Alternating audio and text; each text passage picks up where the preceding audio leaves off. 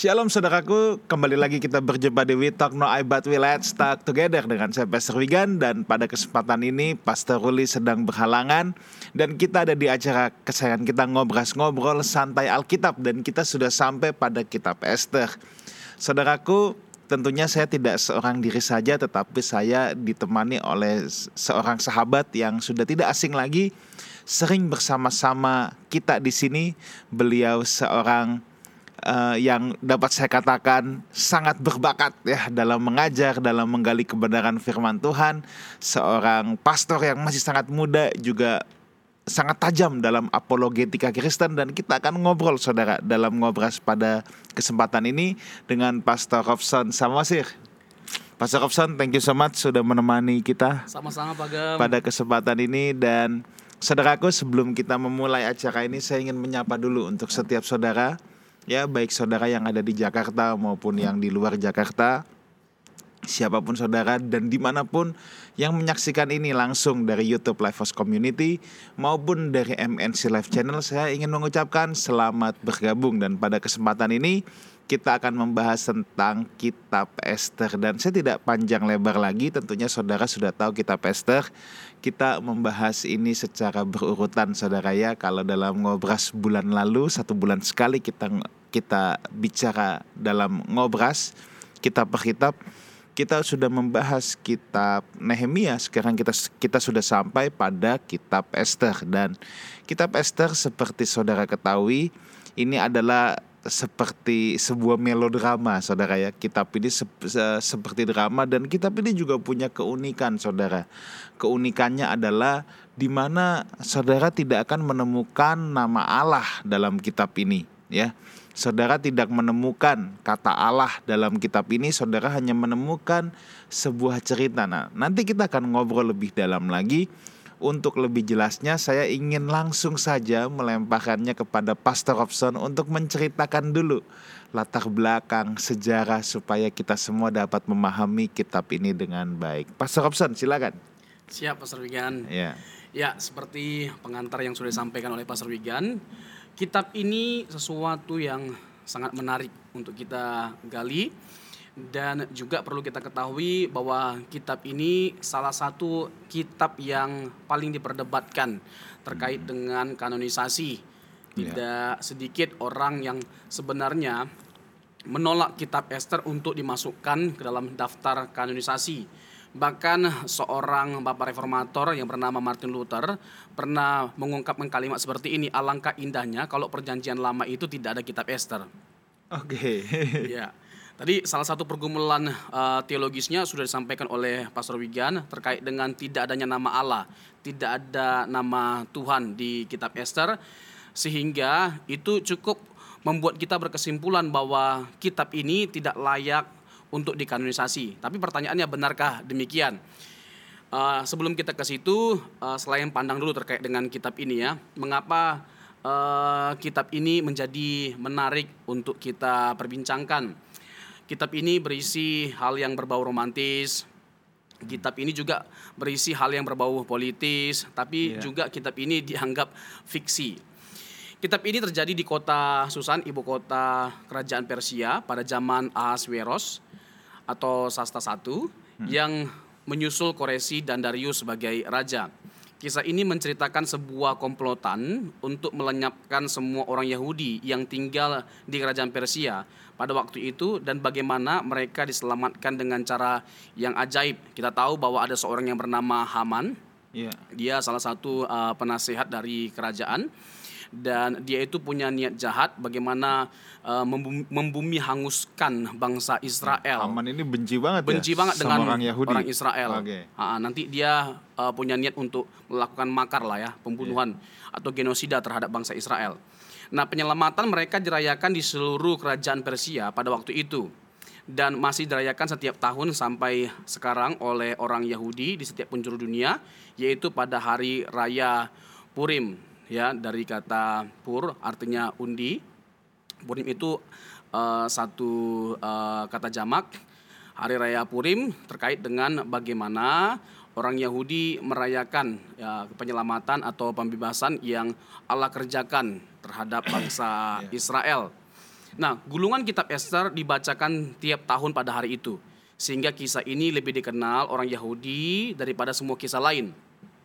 Apalagi apabila orang Yahudi mengalami penganiayaan sejak waktu itu. Kitab Esther ini menghibur dan meyakinkan mereka akan pembebasan serta mendorong cita-cita kebangsaan mereka. Oleh Oke. karena itu, kitab ini sangat disenangi orang Yahudi. Oke, Gitu, jadi eh, kita dapat melihat di di apa sini bahwa eh, bangsa Yahudi sendiri membacakan secara rutin kitab ini ya. Iya, Berarti ini bukan dongeng ya. iya, betul. Ini adalah fakta apa adanya. Nah, ini menjadi menarik untuk untuk kita diskusikan nanti. Iya. Mengapa eh, ya ada korelasinya dengan mengapa tidak ada nama Tuhan? Iya. Karena eh, waktu itu kan ada anti-Semitik yang sangat kuat sekali.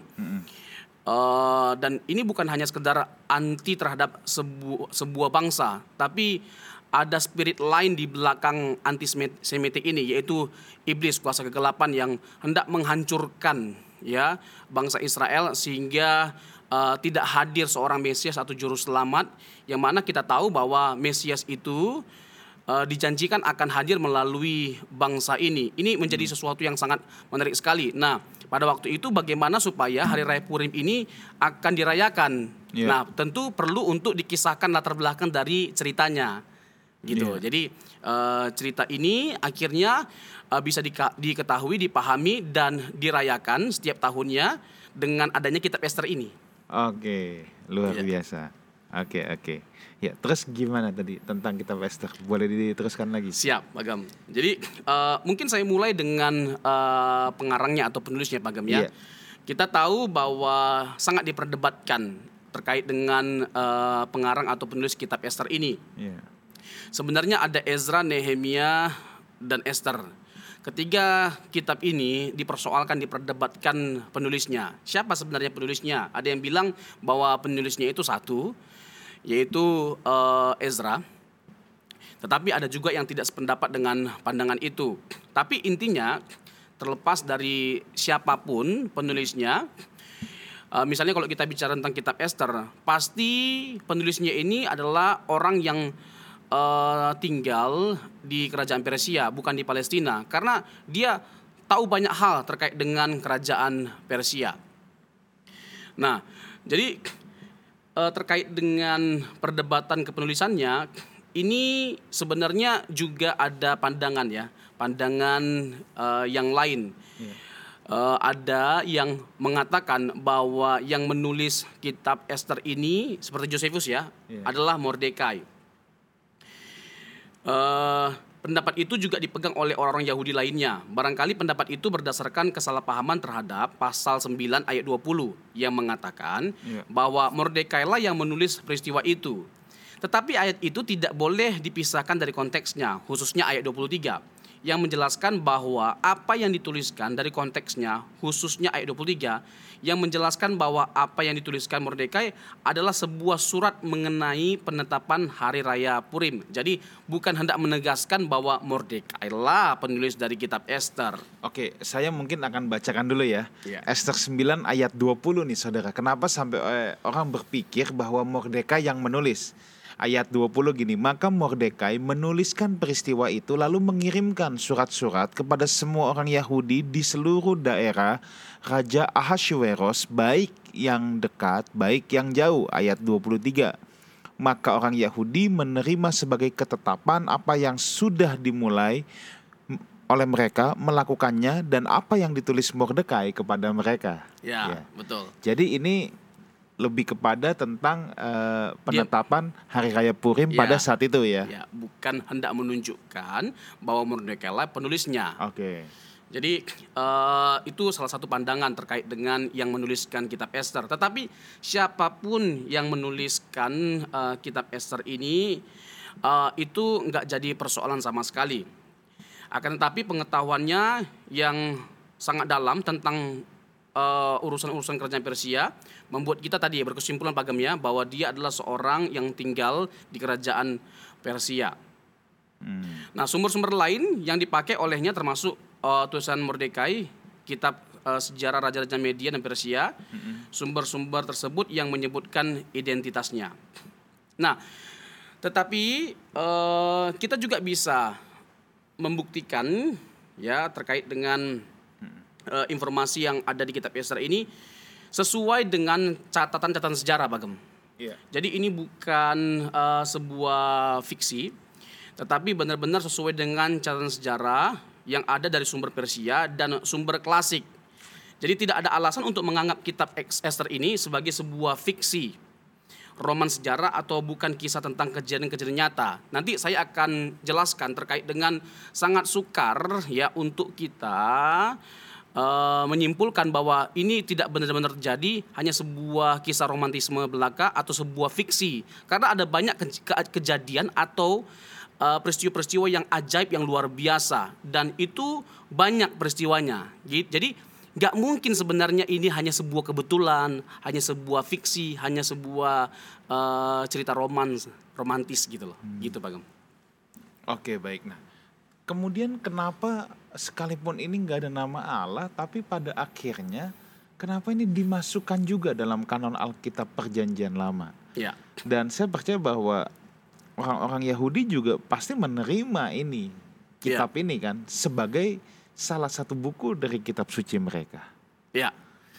Jadi eh nah ini menarik ya untuk Iya. kita eh, persoalkan terkait dengan pergumulan teologisnya. Mengapa tidak ada nama Allah? Mengapa tidak ada nama Tuhan? Iya. Lalu Dan sekalipun tidak ada itu tapi tetap dimasukkan dalam kanon Iya. dan dianggap sebagai kitab yang memiliki tentunya wibawa ilahi kalau sampai dimasukkan ke dalam kanon Alkitab. ya.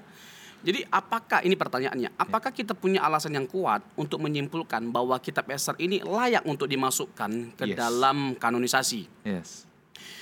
Meskipun tidak ada secara gamblang dituliskan nama Allah atau nama Tuhan, tetapi dengan kita mengetahui atau melihat peristiwa atau ceritanya, kita dapat menyimpulkan sulit sekali ya untuk kita membantah bahwa ada karya ilahi Yes. dalam peristiwa itu. Kata kuncinya itu ya. Iya, Adanya pemeliharaan Tuhan terhadap bangsa Israel. iya. Jadi gini, misalnya saya ceritakan secara singkat dulu Pak Gem ya, Hah. terkait dengan kisah ini dimulai dari bagaimana eh, Raja Ahasiweros pada waktu itu mengundang banyak tamu. Iya. Lalu eh, singkat cerita mereka sudah capek, letih ya karena mereka sudah rapat dan akhirnya mereka minum pesta, mabuk dan eh, Raja Asweros itu berniat untuk menghibur mereka lalu memanggil istrinya yaitu Ratu Wasti untuk menari di hadapan mereka. Tetapi apa yang terjadi? Nah, kisah ini dimulai dari ini nih. Penolakan Ratu Wasti untuk mengindahkan keinginan raja untuk menghibur para tamunya. Nah, ditolak itu kan gimana rasa rasanya seorang raja ditolak ya permintaannya di depan semua orang. Ya itu bisa menimbulkan sesuatu yang memalukan, rasa malu yang begitu luar biasa. Singkat cerita, dia nggak diperbolehkan lagi untuk eh, tinggal di kerajaan. Lalu eh ya Raja Asweros ini tinggal sendiri, lalu dia merasa kesepian, Bagam. Iya. Lalu mencoba untuk mencari cara bagaimana dia mengisi kesepiannya. Lalu eh, dikasih masukan lah, begini sajalah Raja, Eh, buatlah eh, kontes kecantikan. Iya. Nah, sinilah awalnya eh, Ratu Esther itu akan masuk. Iya. Jadi dipersiapkanlah Esther selama kurang lebih 12 bulan. 12 bulan dihiasi ya, dibuat dia secantik mungkin lah. Dan akhirnya benar Ratu Esther ini menang. Dia memenangkan itu dan menjadi eh, istri dari Raja Ahasiweros. Lalu singkat cerita kita tahu bahwa Esther ini adalah anak angkat dari eh, Mordekai. Sebenarnya dia itu adalah sepupu dari Mordekai, tetapi karena sudah eh, tidak ada orang tuanya, diangkat oleh Mordekai sebagai anak angkatnya. Nah, Mordekai itu kasih saran kepada eh, Esther supaya dia tidak menceritakan latar belakangnya sebagai orang Yahudi karena memang sekali lagi eh, orang-orang Persia, orang-orang yang ada pada waktu itu dalam kerajaan Persia adalah orang-orang yang anti Semitik. Mereka sangat benci itu artinya anti orang Yahudi ya. Orang Yahudi. Yeah. Mereka sangat benci terhadap orang Yahudi. Jadi harus dijaga betul background atau latar belakang mereka. Jadi singkat cerita, lalu ada seorang yang bernama Haman. Haman ini kebalikannya. Uh, dia ini benar-benar ini salah satu contohnya. Dia benar-benar sangat membenci orang Yahudi. Sebenarnya kalau kita mau telusuri kenapa dia sangat benci uh, orang Yahudi itu ada sejarahnya Pak Gem. Jadi suatu kali uh, Samuel itu menyuruh Saul untuk membantai uh, Agak. Tetapi uh, Saul tidak melakukannya. Akhirnya Samuel sendiri yang uh, mencincang Agak. Lalu akhirnya timbullah kebencian dari keturunan Agak. Nah, si Haman ini adalah keturunan okay. Agak. Okay. Jadi dia sangat menyimpan kebencian yeah. atau rasa dendam terhadap orang Israel sehingga tidak heran suatu kali ketika kena egonya nih Pak Gem. Yeah. Uh, ada orang yang tidak tunduk menghormati dia. Kita tahu bahwa uh, orang Yahudi itu punya tradisi hanya Tuhan atau hanya Yahweh yang layak untuk dihormati atau disembah. Yeah. Tetapi kena egonya karena Mordekai tidak tunduk menyembah dia. Lalu dia timbulkanlah dalam hatinya niat untuk membantai uh, Mordekai, tetapi dia ada kesombongannya. Aduh, rasanya terlalu kecil bagiku untuk membantai satu orang saja. Dia berniat untuk membantai semua orang-orang Yahudi. Hmm. Bayangkan kekuasaan Raja Persia pada waktu itu dari India ke Mesir, jadi sangat luas. Nah ini menarik sekali ini cerita ini nanti. Yeah. Kenapa kita akhirnya yakin sepenuhnya bahwa Tuhan bekerja di balik semuanya ini, cerita ini, meskipun tidak ada nama Tuhan di sana dan layak untuk dikanonisasi. Karena begini, sederhananya begini Pak Gem ya. Kalau sampai terjadi mufakat itu, pembantaian terhadap seluruh bangsa Yahudi, Yesus tidak datang. Okay. Yesus tidak mungkin hadir. Oke. Okay. Jadi bayangkan genosida terhadap sebuah bangsa. Yeah. Jadi kita bisa melihat bagaimana karya Allah di balik semuanya ini. Dan saya bilang tadi nggak mungkin ini sebuah kebetulan. Yeah nggak mungkin semua kebetulan karena ada banyak cerita yang ajaib peristiwa yang ajaib yang terjadi di situ. Lalu saya lanjutkan lagi terkait dengan Haman. Uh, singkat cerita Mordekai kasih tahu kepada seluruh bangsanya dan mereka melakukan apa? Dua puasa. Mereka berpuasa mereka pakai pakaian kabung dan seperti tradisi yang biasa mereka menaruh di kepala mereka abu dan menyampaikan itu kepada Esther supaya uh, dia melakukan sesuatu terhadap hmm. bangsanya karena e, bagaimanapun Esther itu e, diangkat jadi ratu itu pasti punya maksud dan tujuan. Jadi Tuhan punya maksud dan tujuan di balik dari diangkatnya Esther menjadi ratu dari Ahasiweros pada waktu itu. Hmm. Ya, tentu si uh, Esther bergumul. Ini bagaimana caranya? Ya kan? Karena ini juga pasti akan berdampak terhadap dia. Singkat cerita, dia memberanikan diri untuk memberitahu raja, tapi dia bingung bagaimana caranya.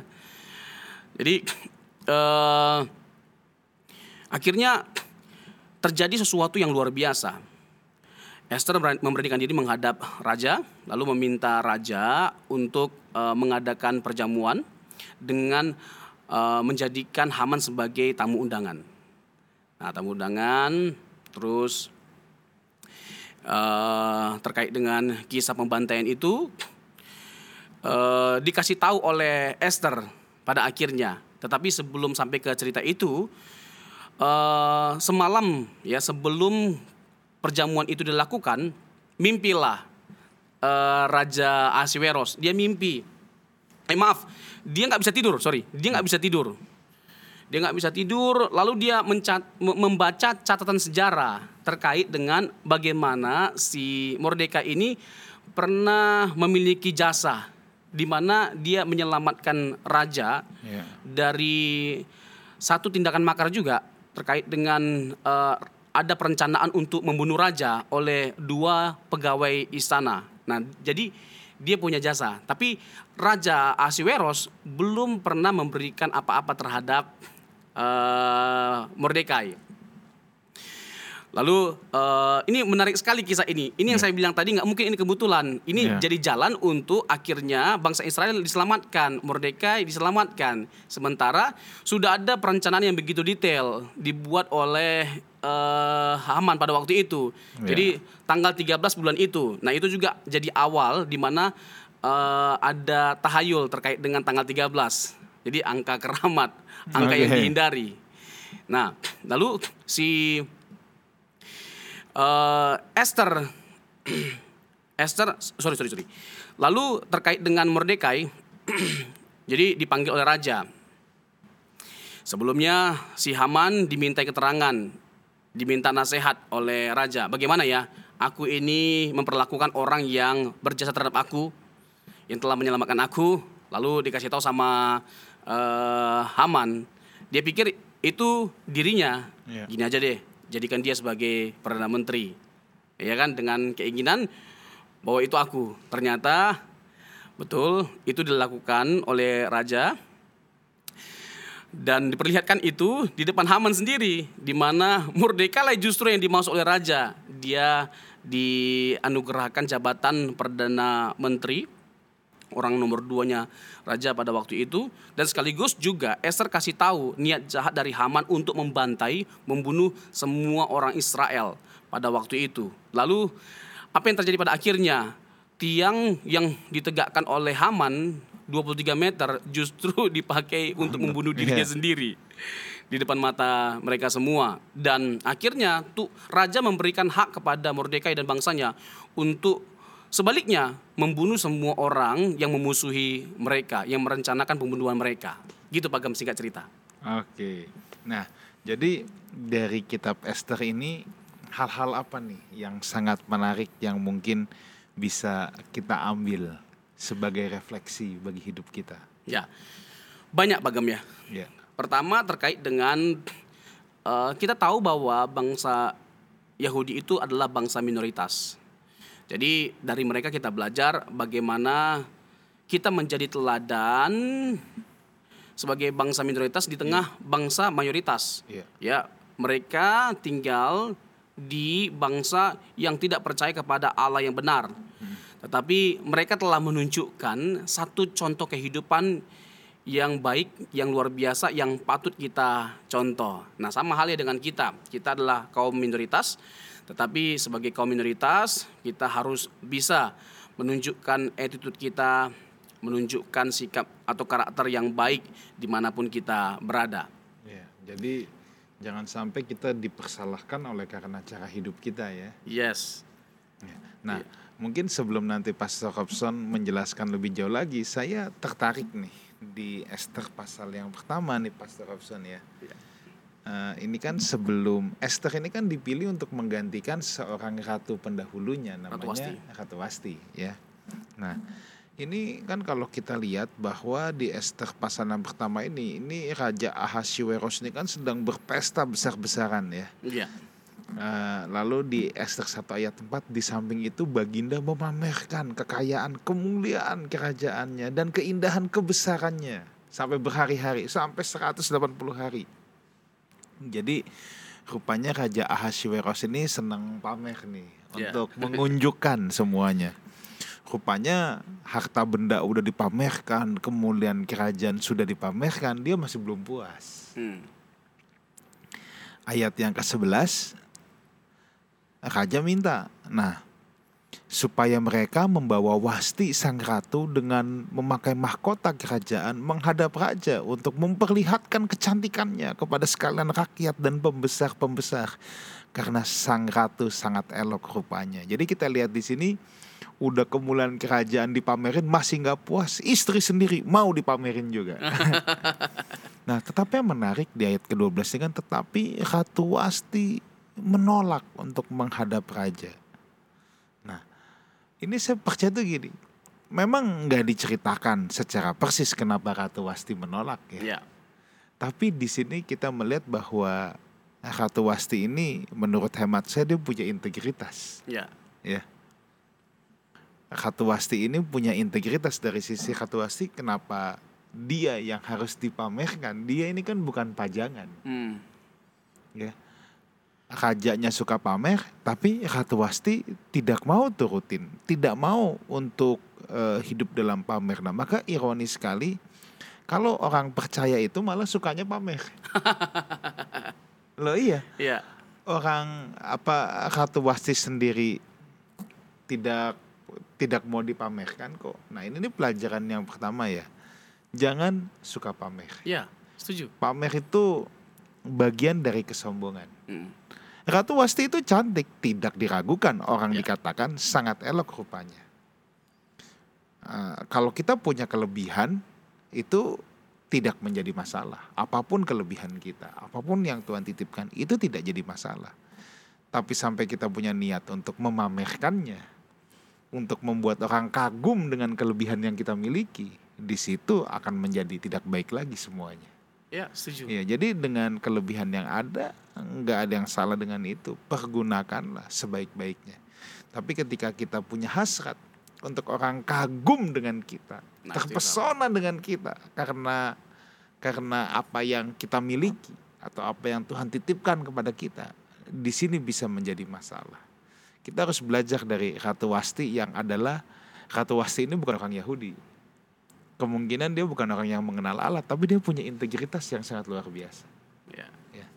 Nah, untuk eh, para suami yang menyaksikan acara ini, ya, ini Raja Ahasuerus menganggap Ratu Wasti ini seolah-olah jadi ditreat sep- seperti benda barang, Mhm. ya. Jadi para suami, istri kita itu bukan barang, Ya. bukan benda, ya, bukan benda. Ya, jadi jangan diperlakukan ya seperti benda. Dia kan menyamakan ratu ini seperti barang-barang yang ada di istananya sehingga untuk dipamerkan. Nah, ini saya rasa aplikasi yang kita bisa belajar ya kalau dari saya walaupun sangat sederhana tapi di sini kita harus belajar mentreat pasangan hidup kita sebagai pribadi. Ini ibu-ibu juga sama. Kalau suamimu misalnya eh, diberkati materi oleh Tuhan, ya. Suamimu orang terhormat. Suamimu itu bukan pajangan yang untuk dipamer-pamerkan dan dibangga-banggakan Ya. ya. Nah, ini sama saja ya. Ini sama saja. Atau kalau saudara yang menyaksikan acara ini seorang anak misalnya, anak SMA, anak kuliahan yang masih belajar. Orang tuamu kebetulan punya fasilitas yang luar biasa ya. Mereka orang terhormat di tengah-tengah masyarakat. Jangan dibuat bahan pamer. Hmm. Ya. Banyak orang yang karena merasa orang tuanya eh, punya fasilitas, orang penting, orang kuat, lalu suka pamer bahkan bertindak seenaknya. Akhirnya ujungnya masuk penjara banyak yang seperti itu ya. Ya. Ya ini kan kita sudah melihat nih kejadian-kejadian yang ada di sekitar kita ya. Itu jadi eh, jangan memperlakukan pasangan hidup kita, orang tua kita seperti barang atau benda dan jangan suka pamer. Nah, oke. Mungkin ada aplikasi apa lagi nih? Banyak Pak Gem. Ya. Ini ada beberapa ya. Gimana? Dan eh, jujur saja itu menarik sekali ya. Ya. terkait dengan aplikasi yang sudah Pak Gem sampaikan. Intinya kita menolak spirit pamer lah, pamer Iya. ya. Yang kedua, mungkin saya bisa tambahkan terkait dengan kitab ini menunjukkan kesia-siaan kepercayaan kepada tahayul sebagai Oke. penuntun hidup Gimana tuh? terkait dengan angka 13 tadi Pak Gem. Oke. Kita tahu yang ujungnya justru membawa malapetaka besar bahkan maut kepada mereka yang menjalankannya. Nah, kita nggak bisa tafikan juga bahwa orang Kristen tidak jarang Gem. Iya. Udah percaya Tuhan tapi masih percaya yang bersifat tahayul. Iya. Ya kan? Jangan ada uh, pohon pepaya di rumah nanti rezekinya payah. Jangan bangun kolam di dalam rumah nanti kesedot berkatnya terus mengusir setan dengan pakai garam dan masih banyak lagi gitu loh ya klinik-klinik tahayul-tahayul sudah seharusnya kita tanggalkan kita jauhkan dan kita hindari percaya bahwa Tuhan itu maha kuasa Iya. kitab ini mengajarkan kita untuk percaya bahwa benar Allah itu berdaulat. Dia bukan hanya berdaulat kepada satu wilayah tertentu, lalu atau satu daerah tertentu, tetapi Allah itu berdaulat di semua daerah, di semua wilayah, di semua bangsa. Jadi Ya. tidak ada tempat di mana di dunia ini Tuhan tidak berkuasa. Jadi tidak ada alasan untuk kita takut dengan apa pun dan jangan pakai cara-cara lain. Apalagi kalau tidak sesuai dengan kebenaran firman Tuhan, andalkan Tuhan. Yes. Nah, Ya. ini ini menarik saudara ya. Eh, kebetulan saya keturunan Tionghoa, keturunan Chinese. Kalau orang Chinese yang masih toto paling seneng tuh Pastor Robson lihat-lihat hari. Oh gitu Pak. Iya. Mau buka toko lihat hari. Kalau belanja di Shopee lihat hari boleh. Kalau mau bulan Juli mendekati 77 7 Juli itu ada mega sale boleh. Kalau lihat hari cari diskon boleh. ya, tapi ini ada banyak yang mau menikah, yang mau buka toko selalu bilang, "Pastor, saya boleh lihat hari nggak?" Saya awalnya bingung mak- maksudnya apa Ya. lihat hari ya iya ini ada yang hari apa yang baik loh semua hari harinya Tuhan Hmm, mantap. iya kecuali memang oh pastor saya mau merit tapi mendingan jangan Jumat deh kenapa macet nah itu boleh loh iya kan Iya. kalau Jumat kan suka macet kan Iya. jalanan kan Ada juga yang bilang bahwa malam Jumat itu malamnya setan.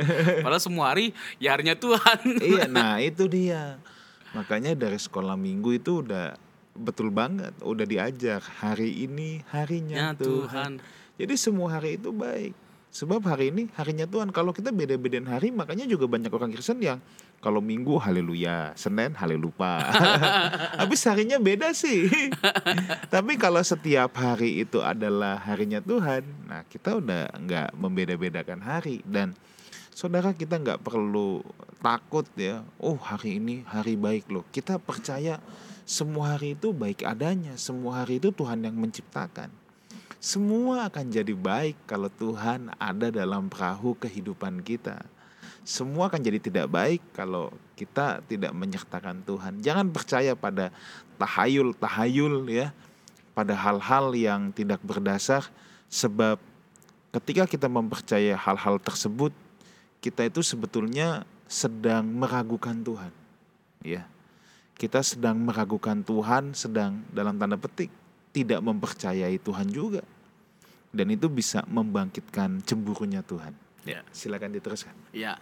Jadi saya tambah lagi terkait dengan bahwa Tuhan itu berdaulat atau berkuasa.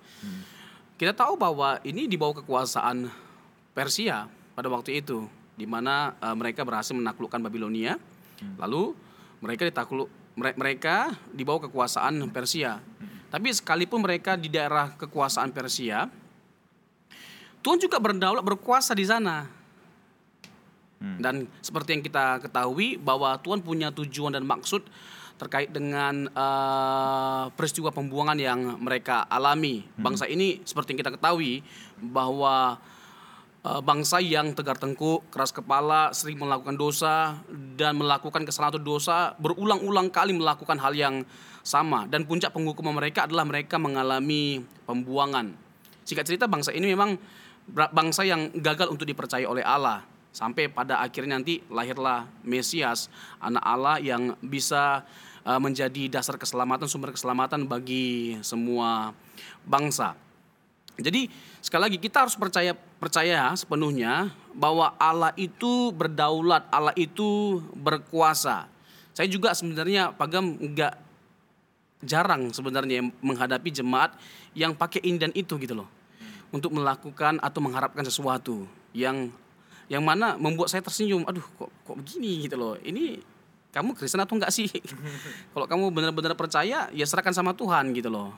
Ya, dan eh, bersabarlah eh, menanti, bersabarlah menunggu atau menjalani prosesnya. Yang mana ujung-ujungnya pasti baik. Semuanya pasti akan indah pada waktunya. Nah, terkait dengan aplikasi lainnya, Pak Gem, kitab ini menunjukkan bahwa Allah Israel adalah Allah yang tertinggi atas seluruh manusia dan segala bangsa. Jadi dia berdaulat atas semua bangsa. Selanjutnya kitab ini menunjukkan bahwa walaupun dalam kedaulannya Tuhan sedang bekerja untuk melaksanakan kehendaknya, namun manusia tetap bertanggung jawab dan harus mengambil bagiannya. Mordekai menggunakan kedudukannya di pintu gerbang istana dengan bijaksana, sedangkan Esther memberanikan diri untuk bertindak demi penyelamatan bangsanya. Dan dengan cara demikian, kehendak Allah terlaksana. Walaupun nama Tuhan tidak pernah disebut ke dalam kitab ini, Hal itu hanya membuktikan dengan jelas lebih jelas bahwa Allah berdaulat dalam setiap waktu dan bertindak melalui orang percaya kepadanya. Jadi itu juga eh, bagian dari karya Allah ketika Allah memakai orang-orang percaya seperti Mordekai dan Esther. Dari Esther kita belajar keberanian. Dari Esther kita belajar iman. Bisa saja sebenarnya dia menolak permintaan Mordekai, sekalipun itu bahkan ayah angkatnya atau sepupunya. Bisa aja dia egois. Tetapi kita nggak melihat sikap itu. Ini hebat loh. Luar biasa. Kita kagum bagam dengan eh, wanita yang satu ini. Jadi dia benar-benar memiliki kecintaan yang luar biasa terhadap bangsanya. Dia juga benar-benar percaya kepada Allahnya bahwa Allahnya itu bisa atau mampu menyelamatkan dia. Jadi dari keberanian dan iman Esther kita juga bisa petik sesuatu gitu. Iya, oke. Berarti memang Esther ini dalam kitab Esther ini ada contoh hidup nyata, yaitu Esther sendiri juga ya. Iya Esther dan Mordekai ya kita Merupakan memang teladan hidup. Iya teladan hidup. Kita memang eh, tidak terlalu memusingkan terkait dengan yang memainkan peranan peran peran utama itu siapa, Mordekai atau Esther. Tetapi dari keduanya ini kita mendapatkan pelajaran yang berharga. Mungkin saya ulangi lagi terkait dengan eh, apa yang saya tegaskan tadi, Pak Gem. Ini adalah poin yang paling penting dari eh, kitab ini terkait dengan genosida tadi. Bayangkan, bayangkan ya, kalau seandainya hal itu terjadi, Kristus tidak akan datang. Jadi ini membuat kita atau menghantarkan kita untuk berkesimpulan bahwa kitab ini layak untuk dikanonkan karena Allah bekerja. Tindakan penyelamatan Allah terhadap bangsa Israel pada waktu itu itu benar-benar benar-benar nyata gitu loh. nggak bisa ditafikan, nggak bisa diabaikan gitu loh. Jadi kalau sampai terjadi permufakatan itu, pembantaian itu, genosida, maka Yesus tidak akan lahir. Jadi ini cukup menghantarkan kita berkesimpulan bahwa kitab ini layak dikanonkan karena eh, lahirnya Mesias itu nggak bisa eh, tidak dihubungkan dengan cerita ini. Oke, wow, luar biasa banget. Oke, terus kira-kira ada apa lagi nih hal yang aplikatif yang bisa kita pelajari dari kitab ini, yang bisa kita terapkan dalam hidup kita? Ya, eh, tadi kan kita singgung terkait dengan keberanian, iman, kedulatan, terus spirit of pamer, Iya, ya, atau show off. Eh, kita juga eh, bisa melihat ya bagaimana eh, tadi ini perlu juga eh, penajaman bagam. Bagaimana seharusnya kita hidup di Ya. tengah orang-orang yang tidak percaya kepada Tuhan, Oke. kepada Allah yang benar. Jadi eh, sikap hidup kita, karakter kita, kehidupan kita harus menunjukkan siapa yang kita yakini, siapa yang kita imani. oke. Sebagai orang Kristen, kita adalah pengikut Yesus, maka kita akan atau harus menunjukkan sikap kita sebagai pengikut Yesus. Nah, ini kadang-kala memang tidak mudah ya. Kita di tengah-tengah katakan yang bekerja gitu. Kita kerja di kantor, mungkin sekeliling kita lebih banyak yang bukan orang-orang percaya ya. Atau kita hidup di tengah-tengah saudara-saudara yang misalnya saudara semua juga masih belum Kristen ya. Tentunya kita tidak mudah. Nah, jadi sikap apa sih yang harus kita miliki kalau kita hidup di tengah-tengah orang-orang yang nggak kenal siapa Yesus gitu loh? Atau bahkan belum lagi kalau zaman sekarang mungkin semua orang tahu nama Yesus tapi lebih banyak lagi yang nyinyir sama gereja. Iya, yang udah dengar cerita-cerita bahwa oh gereja begini gereja begitu ya nah banyak orang-orang yang udah kalau dengar kata gereja udah antipati duluan ya. Dia dianya bukan Kristen tapi sel- selalu mendengar hal yang buruk-buruk tentang gereja. Nah jadi apa yang harus kita lakukan?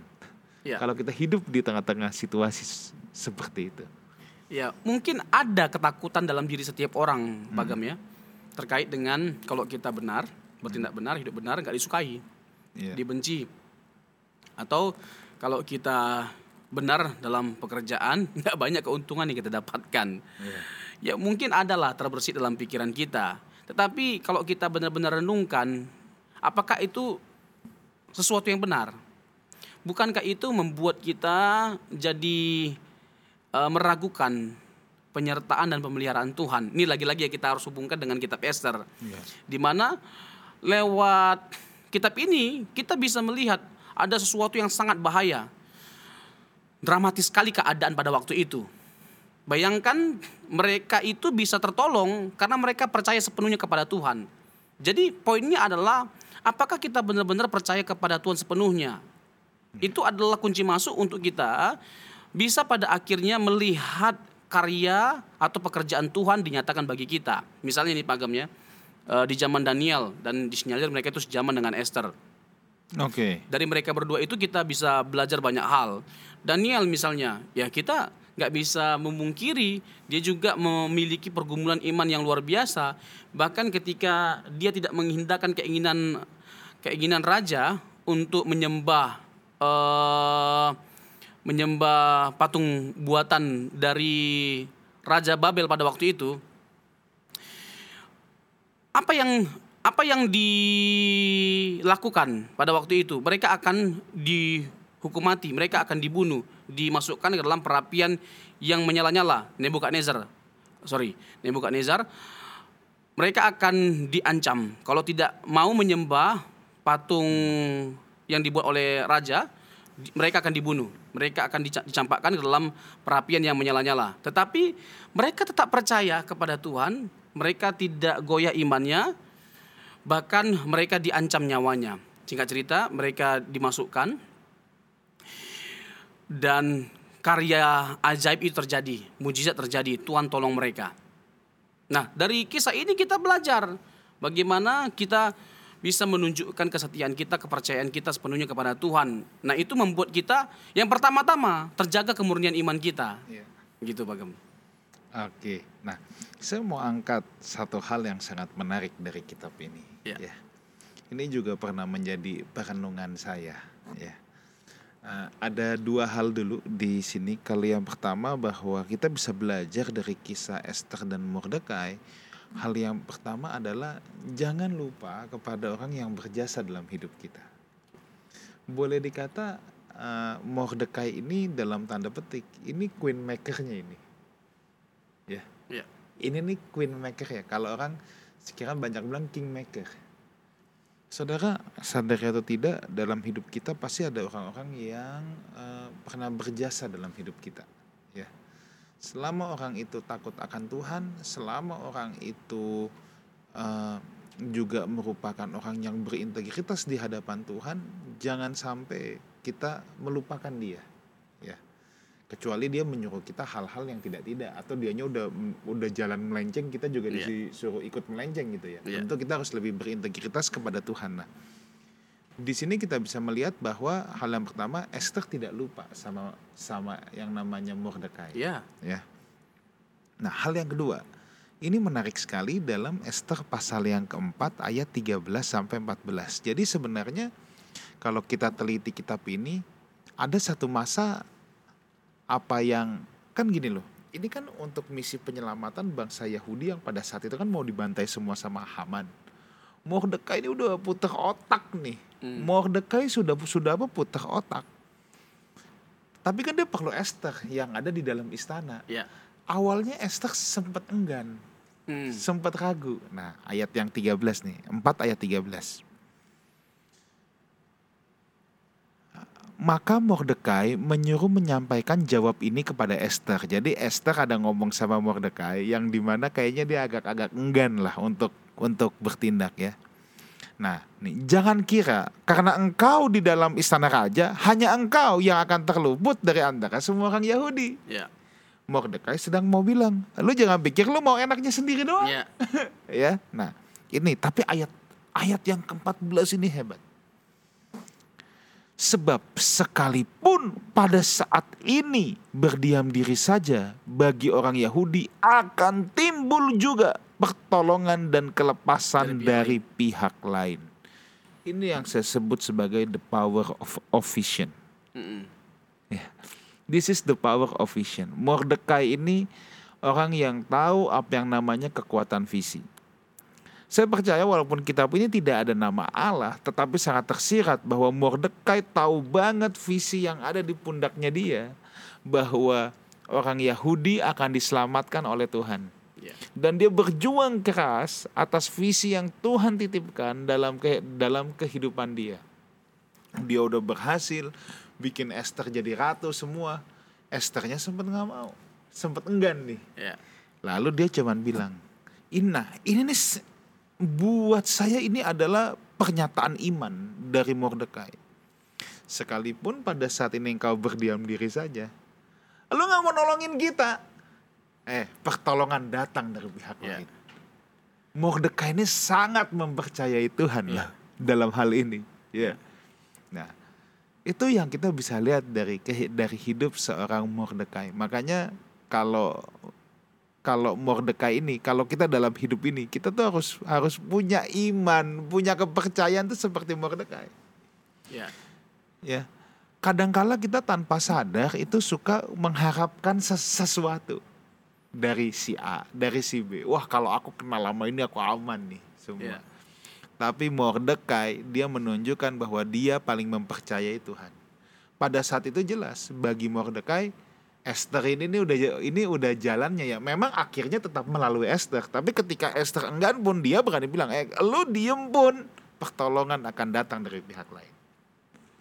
Nah, sekarang saya ambil nih dari angle Esther Ah, dari angle-nya Esther. Ini yang harus kita kerjakan. Saudara, kita tidak perlu merasa berjasa, merasa hebat, merasa berjasa kalau kita boleh ambil bagian dalam sebuah rencana besar Tuhan.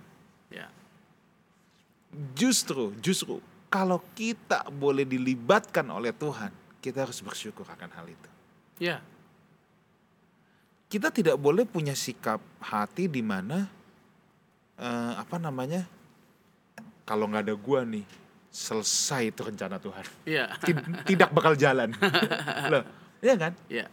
Kita kadangkala tanpa kita sadar saudara kita bisa punya kesombongan kesombongan jumawa itu Ya. kalau saya sebagai seorang gembala jangan sampai saya berpikir kalau nggak ada gua berantakan nih gereja Waduh, itu bahaya sekali saya sangat takut akan hal itu Ya.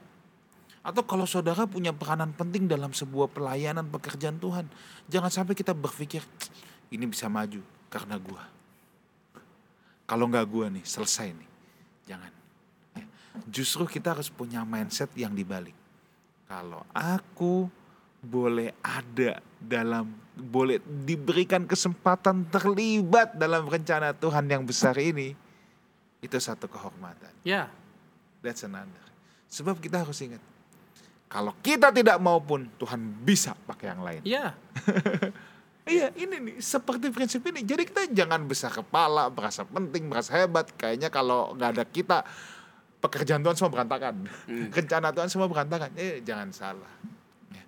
Kalau Tuhan mau, saudara, jangankan pakai ini pakai meja yang benda mati pun bisa. Kalau Tuhan mau. Ya. Betul. Jadi kalau kita boleh dilibatkan itu wah itu anugerah Tuhan yang luar biasa. Kita harus syukuri itu. Jangan jadi gede kepala, jadi merasa Tuhan yang perlu kita. Iya. Tuhan yang ngemis-ngemis sama kita. Iya. Gawat itu. Setuju. Ya. Jadi mungkin saya perlu tambahkan terkait Iya. dengan itu Pak Gam. Jadi Iya. eh disinyalir pernyataan Mordekai itu Hmm. menunjukkan bahwa dia memiliki iman dan pengharapan kepada Allah yang benar. Yes, pasti. Ya, dia Pasti. menunjukkan itu kepada Allah. Heeh. Jadi meskipun lagi-lagi nggak ada nama Allah, tapi Yes. kita bisa melihat begitu nyata keterlibatan Allah dalam kehidupan mereka atau kisah mereka ini. Hmm. Dan begitu nyata juga harapan mereka terhadap Allah. Misalnya, apa yang membuat Mordekai tidak mau menghormati atau tunduk tunduk menghormati eh, Haman pada waktu itu? Ya karena dia punya tradisi hanya Allah yang layak dihormati. Sujud Yes. menyembah itu hanya kepada Allah, nggak Yes. nggak ada kepada siapa pun. Iya. Jadi sekali lagi, jadi persoalan kanonisasi itu nggak sesederhana yang kita bayangkan hanya karena nama Al- Allah ada, lalu itu pasti dikanonisasi. Nggak sedikit kitab-kitab yang ditolak sebagai kanon, ya meskipun ada nama Allah atau nama Tuhan di sana. Tapi sebaliknya, hanya karena nggak nama nggak ada nama Tuhan atau nggak ada nama Allah bukan berarti nggak layak dikanonkan. Karena faktanya kita bisa melihat bagaimana kontrib- kontribusi dari kitab Esther itu begitu luar biasa bagi kehidupan eh, kita dan secara khusus bagi eh, terrealisasinya keselamatan, karya keselamatan yang Allah sudah rencanakan, rancangkan. Begitu Bang. Iya. Oke, wah luar biasa sekali. Nah, eh, kitab Esther ini ada tipologinya nggak dalam perjanjian baru? Eh, Kira-kira, apakah ada tipologinya atau tidak ada? secara spesifik sih Tidak ya? ada sih ya. Oke. Ha-ha. Oke, oke baik. Oke, mungkin di penghujung acara ini ada hal apa lagi yang mau disampaikan tentang kitab Esther ini?